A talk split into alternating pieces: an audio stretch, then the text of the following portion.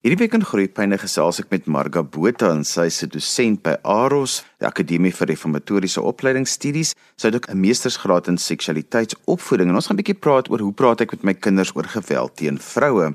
Marga, kom ons begin en ons praat oor hoe praat ek met my kinders oor wat op die oomblik daar buite gebeur, oor mense wat in opstand kom. Hulle sien al hierdie hashtags #MeToo, am I next. Hoe praat ek met my kinders hieroor? Johan, met sulke tipe en ek sê temas, is dit baie belangrik om 'n oop verhouding met jou kind te hê.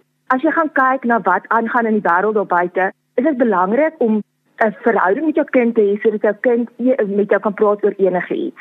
I mean dit is daar waar die selfvertroue inkom van 'n kind ook. As ek nou prakties kan sê, is dit baie maklik om as jy op pad werk toe is of die kinders gaan aflaai by die skool, om saam met hulle nuus te luister en sodra daar 'n berig opkom, soos daar nou is die afgelope tyd, om onmiddellik met jou kind 'n gesprek daaroor te voer. Ek dink dit is baie belangrik en in elke geval is 'n oop verhouding met jou kind is natuurlik die eerste stap na wil ek amper sê 'n sosiale welstand van kinders self. Maar hoe verduidelik ek dit vir hulle? Wat is die taal wat ek gebruik om vir hulle te sê dit is wat me too, I am next en geweld teen vroue en kinders beteken? Wat is daardie praktiese woorde wat 'n mens gebruik? Ek weet dit is ouderdom spesifiek, maar gee vir ons 'n paar wenke. Ja, um, soos jy nou gesê het Johan, dit is ouderdom spesifiek. Ek dink die belangrikste is om te gaan kyk na wat dit is presies wat jou kind vra. Ek dink dit is belangrik ook om te gaan kyk soos jy nou gesê het, die ouderdom en dan ook te gaan sê byvoorbeeld om so met vrouens te maak is nie reg nie as jy dit nou op 'n baie lae vlak doen. En dan natuurlik binne in jou huis ook, wanneer daar programme opkom, ook met jou kind te kan praat en te kan sê hierdie is geweld teen vroue. Onthou julle ons het gister geluister na die nuus op wat ook al die radiostasie is en daarom moet ons gaan kyk na dit. So jy gaan beslis praat oor geweld teen vroue Jy gaan besef praat oor mishandeling is een van die groot konsepte ook. En dan moet ons ook onthou binne die lewensvaardigheidsveld praat onderwysers ook hieroor. So dan is dit ook belangrik vir ouers om te weet watter inligting kry kinders by onderwysers en watter inligting kry kinders natuurlik op sosiale media. So ek sou gesê geweld, vroue mishandeling is beslis twee konsepte waarna ouers beslis kan verwys. Nou, Gratsa Marcel het gesê it is in our families en sy het met die breër konteks daar gepraat. Hoe spreek ek respek aan in my familie, veral teenoor my seuns wat sê hê respek teenoor vroue? Hoe hanteer ek dit? Johan, wat daar is baie interessant. Dis eintlik klein goedjies wat ouers kan doen. Ons moet onthou seuns boot hulle pa na. So wanneer 'n pa nie respek het vir sy vrou nie, gaan die kind ook nie respek hê vir sy ma nie en ook nie vir sy sissies nie. So as 'n kind gelukkig genoeg is om in 'n stabiele huishouding groot te word, is daar klein goedjies wat ouers kan doen. Byvoorbeeld, wag dat mamma en sussie by die deur instap. Pappa en boetie stap glad nie eers in nie. Wanneer ons aan eetstafel sit, gee ons eers byvoorbeeld die sout vir mamma en dan vir sussie. En dan kan ons ook gaan kyk na klein goedjies soos wanneer ons 'n TV-program kies, kan die ma of die kind die sussie eers kies. En dit is waar respek begin. En dan natuurlik loop dit oor na die skool ook waar onderwysers natuurlik ook moet kyk dat die meisies byvoorbeeld eerste instap. So wanneer ouers en onderwysers in die samelewing nie gaan hande vat nie, sal ons nooit hierdie situasie wel opgelos kan kry of net op 'n punt kan kry dat ons as mense daarmee kan cope nie. Ek het nou dag met 'n seentjie gesels, bietjie gewerk en ons het ook gewerk rondom hier want hy het nou so 'n bietjie boelery op die skoolgronde gehad en so en toe het hy nou van die dogtertjies geboelie en ons het die gesprek gehad oor weet respek teenoor vroue, respek teenoor dogtertjie maatjies en al die dinge. Dan praat hy heeltyd van ja, maar ons is almal dieselfde. Ons hoor heeltyd altyd dieselfde, maar dan nou moet ek mag ek dit nie en ek mag dit dat nie. Daar's gemengde boodskappe wat by seentjies uitkom op hierdie stadium. Dit is baie moeilik en weet jy wat Johan, as 'n kind nie in 'n waardegedrewe huis groot word nie, is dit baie moeilik om veral vir 'n seun te verduidelik wat is die rol van 'n man in 'n in die huis en wat is die rol van die seun in die samelewing ook. So wanneer dit nie by die huis, wil ek amper sê, jy weet, daar gestel word nie, gaan dit baie moeilik wees vir seuns. Ek self sit met 'n seentjie wat deur presies dieselfde situasie is en dit is maar moeilik vir hulle. Omdat jy sê daar's verskeie boodskappe wat op hulle gegee word, is soos byvoorbeeld vrouens en mans is gelyk en dan kom dit weer terug, jy weet, wat is jou geloofsisteem? en hoe dra ons dit oor aan ons kinders? So dit is 'n moeilike kwessie, dit is bitterlik moeilik Vir my bly die kruks van die saak maar dat dit by die huis gevorm word hoe pa en ma met mekaar oor die weg kom, hoe pa en ma met mekaar oor die weg kom na egskeiding, hoe pa en ma met mekaar oor die weg kom as hulle nooit getroud is nie, hoe pa en oupa met mekaar oor die weg kom, hoe ma en ouma met mekaar en dit wat kinders heeldag hoor. Vir my voel dit is die kruks van wat hier aan die gebeur is. Johan, dis beslis die waarheid en dit is ook word in begin gesê jy moet in jou in jou kind se verhouding belê en jy moet ook in jou familie se verhoudinge belê. Soos jy nou gesê het pa en seun hoe praat ons met ouma? Hoe praat ons met oupa? Jy weet daai tipe dinge. En dan ook 'n belangrike ding is baie kinders sê weet jy wat? Jy as ma en pa moenie voor jou kinders beklei nie. En weet ek stem glad nie daarmee saam nie. Kinders kan nie deesdae konflik hanteer nie juis omdat ouers voel hulle skraap weg van bekleierery af hulle gaan eerder in 'n kamer maak die deur toe en beklei dan met mekaar En kinders kry nooit werklik die ware prentjie van die huwelik nie. Want dit is okay om te beklei. Ons mag beklei. En dan maak ons op ook en ons is nog steeds lief vir mekaar. En as mamma en pappa geskei is, mag ons ook nog steeds beklei. Maar dit is die manier wat jy beklei en ek beklei in hierdie sin beteken beklei op 'n beskaafde manier. Nie skree nie, nie vloek nie, glad nie daai tipe ding nie, maar jy mag maar bietjie hard praat en jy mag maar vir die ander persoon sê hoe jy voel. So ek dink dit is belangrik. En dan ook wat ek vroeër gesê het, dink ek ook mens moet sosiale media te leerskool gebruik wanneer dit by sulke situasies kom. En dan ook as jy gaan kyk na jou kind se verhouding met maats, is dit ook baie belangrik en ook in die tipe vriendekring wat jou kind beweeg. Hoe lyk die statistiek in terme van egskeidings? Wat is die verhouding binne in jou kind se maats se vriendekring?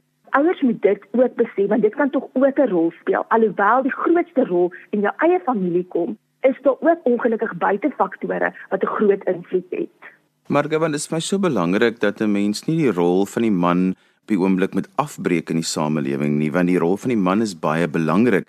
Hierdie gesprekke gebeur binne 'n baie bepaalde konteks en ek is so bekommerd dat kinders op die ou en die verkeerde boodskap kry en vir my gaan dit oor mense is moeg, mense wil iets moet nou hieraan gedoen word. So ons wil die regte boodskap na kinders kry om te sê dit is hoekom ons hierdie doen. Dis hoekom daar nou so 'n fokus is op geweld teenoor vroue en kinders en dit is om juis dit reg te stel en nie om 'n sekere geslag of 'n sekere identiteit af te breek nie. Ja, Johan, dit is regtig moeilik. Jy weet, soos jy self sê, daar word nou gesê vrouens en mans is gelyk en jy weet vrouens en mans moet dieselfde behandel word. Dis nie noodwendig dat ek nie daarmee saamstem nie, maar die probleem kom hier in dat vroue word gesien as mans as ek dit sou kan stel. So met ander woorde, daar word nie 'n vrou gepraat soos wat daar met 'n man gepraat word, maar 'n vrou kan haarself nie so beskerm nie. En dit is wat ons seuns en ons dogters ook sien op sosiale media, op die TV. As jy gaan kyk net na TV-programme vir kinders, en jy sien wat daar aangaan as jy gaan kyk na die net die geslagsgeweld en so subjektief word dit gestel dat mense eintlik nie eers agterkom nie. So dit is dis absoluut kommerwekkend en daarom is die gesin se rol absoluut broodnodig in hierdie situasie. Ek wil iets van die kant af skiet, Margaret. Baie keer as jy na die televisie speletjies kyk wat die kinders hierdie rekenaarspeletjies wat hulle speel, dan is daar al hierdie helde en dis nogal interessant dat hulle mos nou mans en vrouens kan kies en die geweld wat daaraan gaan. Dink jy dit speel ook 'n rol by die algemene persepsie oor die waardes en die optredes teenoor vrouens? O, beslis. Ek dink nie daar's iets wat meer gevaarlik is as hierdie speletjies PlayStation, Xbox, hierdie speletjies wat kinders deesdae speel nie. En die ding is, ouers steur hulle self nie meer aan die ouderdomsbeperkings op hierdie speletjies nie. Hulle koop eenvoudig die speletjies vir hulle kinders en hulle self weet nie eers wat daar aangaan nie. So dis regtig 'n ouer se plig om agter die skerm te gaan kyk wat is dit wat hierdie speletjie uitbeeld. En dan natuurlik wat hierdie speletjies ook doen is dit wek vreeslike aggressie vir albei seuns.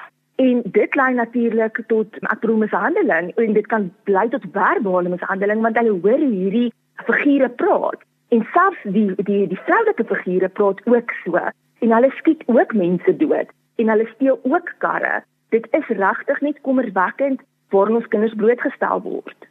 Ek gesels met Marga Botha, sy het 'n meestersgraad in seksualiteitsopvoeding en ons praat oor hoe praat ek met my kinders oor geweld teenoor vroue?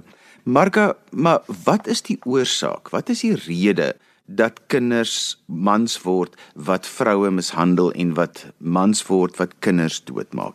Ek wens ek kon dit verstaan het want baie keer as jy nou hoor en jy lees hierdie berigte en jy lees wat mense vir al die karakters nadat mense gefonnis is en dan kom mense in en hulle doen hierdie karakter weet hulle praat oor die mense se karakters dan sit maar dit was nooit so nie dit het iewers net verkeerd geloop. Ja, as jy nou gaan kyk na al die slim mense en wat hulle sê, sielkundiges en so aan, dan is daar verskeie redes Johan. Kyk, dis 'n tipe persoonlikheidstipe wat geneig is om te mishandel. Dis een ding waarna ons kan kyk. En dan natuurlik jy psigotiese siektes ook. Maar ek dink dit is maar 'n klein persentasie. Jy weet wat dit opmaak van wat dit nou regtig veroorsaak. Ons moet ook gaan kyk, die Engelse sê dit so mooi, history repeats itself. Hoe het hierdie man of hierdie seun groot geword? Het hy groot geword in 'n gewelddadige huis? Want dan is die kans dat hy dit gaan oordra in sy huwelik of in sy of in sy gesin, is dit dan ook 'n groot moontlikheid. En dan moet ons weer terugkom na die gewelddadige speletjies en die gewelddadige programme waaraan mense blootgestel word. Ek sê baie keer vir my man ook, jy weet, die programme wat mense kyk, al is jy 'n volwasse mens, is nog steeds van so 'n aard dat dit sekere gevoelens by jou wakker maak. So as jy vreeslike aksiefliek gaan kyk wat mense doodmaak, waar daar geweld teen vroue is wat jy deesdae baie kry, is daar tog emosies wat daarmee saamgaan. En dan is dit maar 'n feit van jy weet dinge raak te veel en dan kom daai mishandeling uit of dit nou verbaal is en of dit nou nie verbaal is nie. En dit is my skokkend, jy weet om te weet dat een uit 4 vroue mishandel word en dit is wat die wêreld dan gesondheidsorganisasie vir ons in 2012 al sê. En dit is ook sleg om te weet dis 65% van vroue wat deur hulle maat mishandel word. En so sien kinders dat dit oukei is om dit te doen en daarom doen hulle dit dan by die skool of eendag in hulle eie huwelik ook. Marga, want ek dink kinders verstaan nie altyd wat word met mishandel bedoel nie, want uh, mishandel is nie net die fisieke deel nie. Mishandel kan ook jy kan iemand finansiëel mishandel, jy kan iemand verbaal mishandel. Ja, daar's verskeie forme daarvan.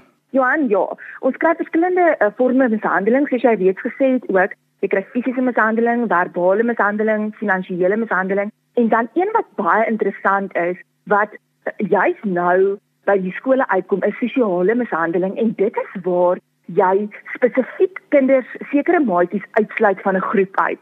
En dit is ook 'n vorm van mishandeling. En die daai tipe mishandeling spoel oor na 'n uh, tipe boelie en dit natuurlik kan dan oorgaan na geweld ook. Maar maar die groot vraag is eintlik ons pluk nou die vrugte van 'n generasie wat eintlik baie keer wat ons maar noem die afwesige pa groot geword het. Wat kan ons nou doen om 'n nuwe generasie te kweek waar ons nie met hierdie probleme sit nie? Die belangrikste is en ek het dit al gesê, maar ek wil vreeslik klem daarop lê, is om te belê in jou en jou kind se verhouding. Dis baie keer wat ouers ook en dit is waar verwaarlosing inkom, waar ouers dink ek gee geld vir my kind, my kind het alles wat hy wil hê, maar die basiese behoeftes word daar nie aan voldoen nie. So jy as ouer moet belê in jou verhouding, jy moet 'n oop verhouding hê met jou kind Jy moet met jou kind kan praat oor enige iets. Jy moet kan weet dat wanneer jou kind deur 'n moeilike tyd gaan, daardie kind na jou toe sal kom en vir jou sal raad vra.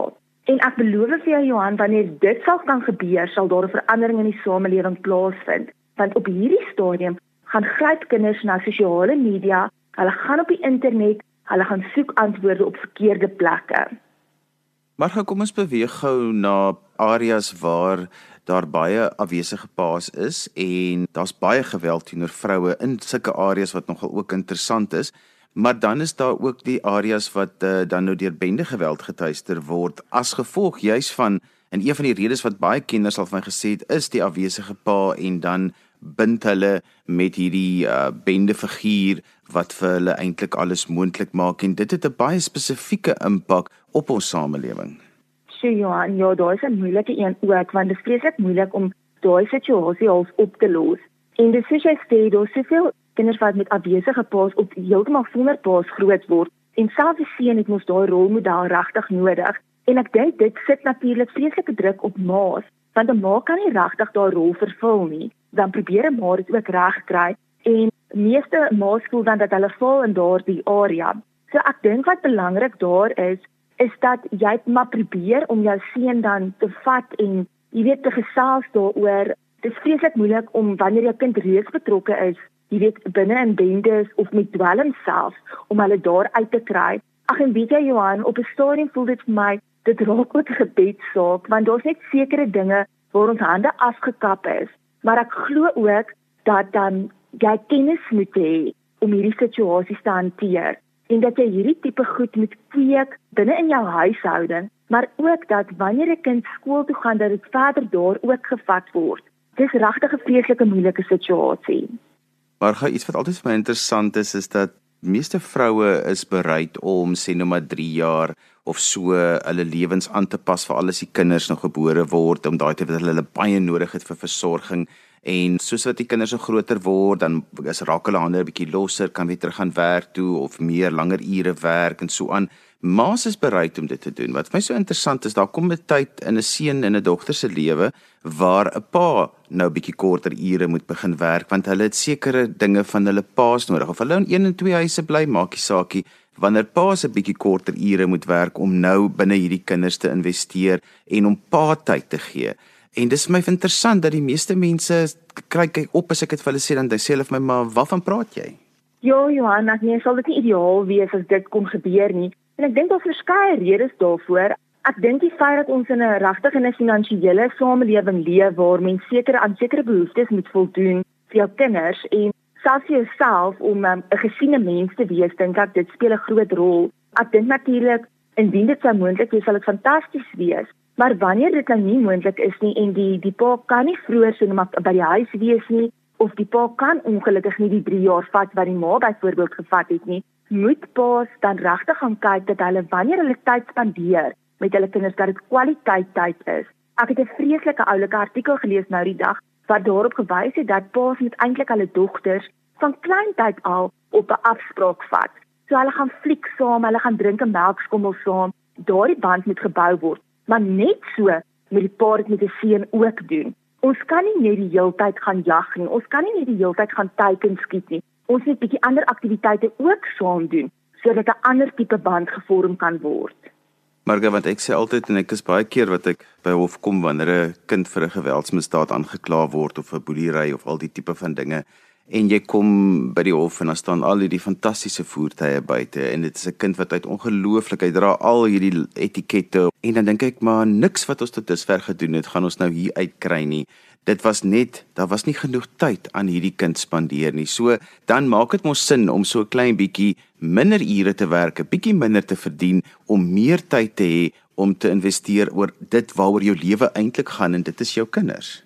Dit is beslis die waarheid Johan ek sit en dink ook mense wil baie graag, jy weet, hulle wil graag DStv, hulle wil Showmax, hulle wil Netflix hê, maar al hierdie tipe goed steel ons tyd saam met ons kinders. Ons moet eintlik heeltemal hiervan wil ek amper sê wegbeweeg en hoekom speel ons nie bordspeletjies saam met ons kinders nie? Hoekom gaan ons op vreeslike diervakansie see toe of oorsee? Hoekom gaan kamp ons nie iets wat baie goedkoper is? So ek stem 100% saam met jou. Hierdie probleem kan slegs opgelos word binne in die ouer huis.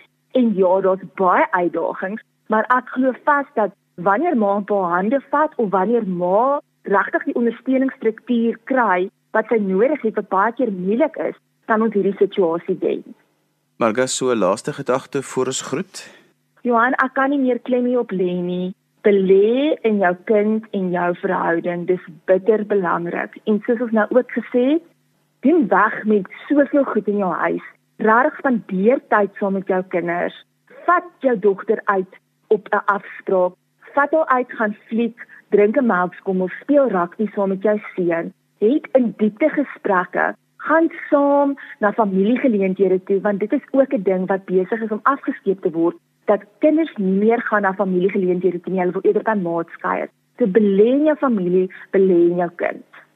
En so gesels Marga Botha, sy's 'n lektor by Aros Akademie vir Reformatoriese Opleidingsstudies. Ons vandag bietjie gepraat oor die hele saak van geweld teenoor vroue en kinders en Marga het ook 'n meestersgraad in seksualiteitsopvoeding. Onthou jy kan weer na vandag se program luister as 'n potgooi, laai dit af by resgep.co.za. Skryf gerus vir my e-pos by Johan@groeipyne.co.za. daarmee groet ek dan vir vandag tot volgende week van my Johan van Lille. Totsiens.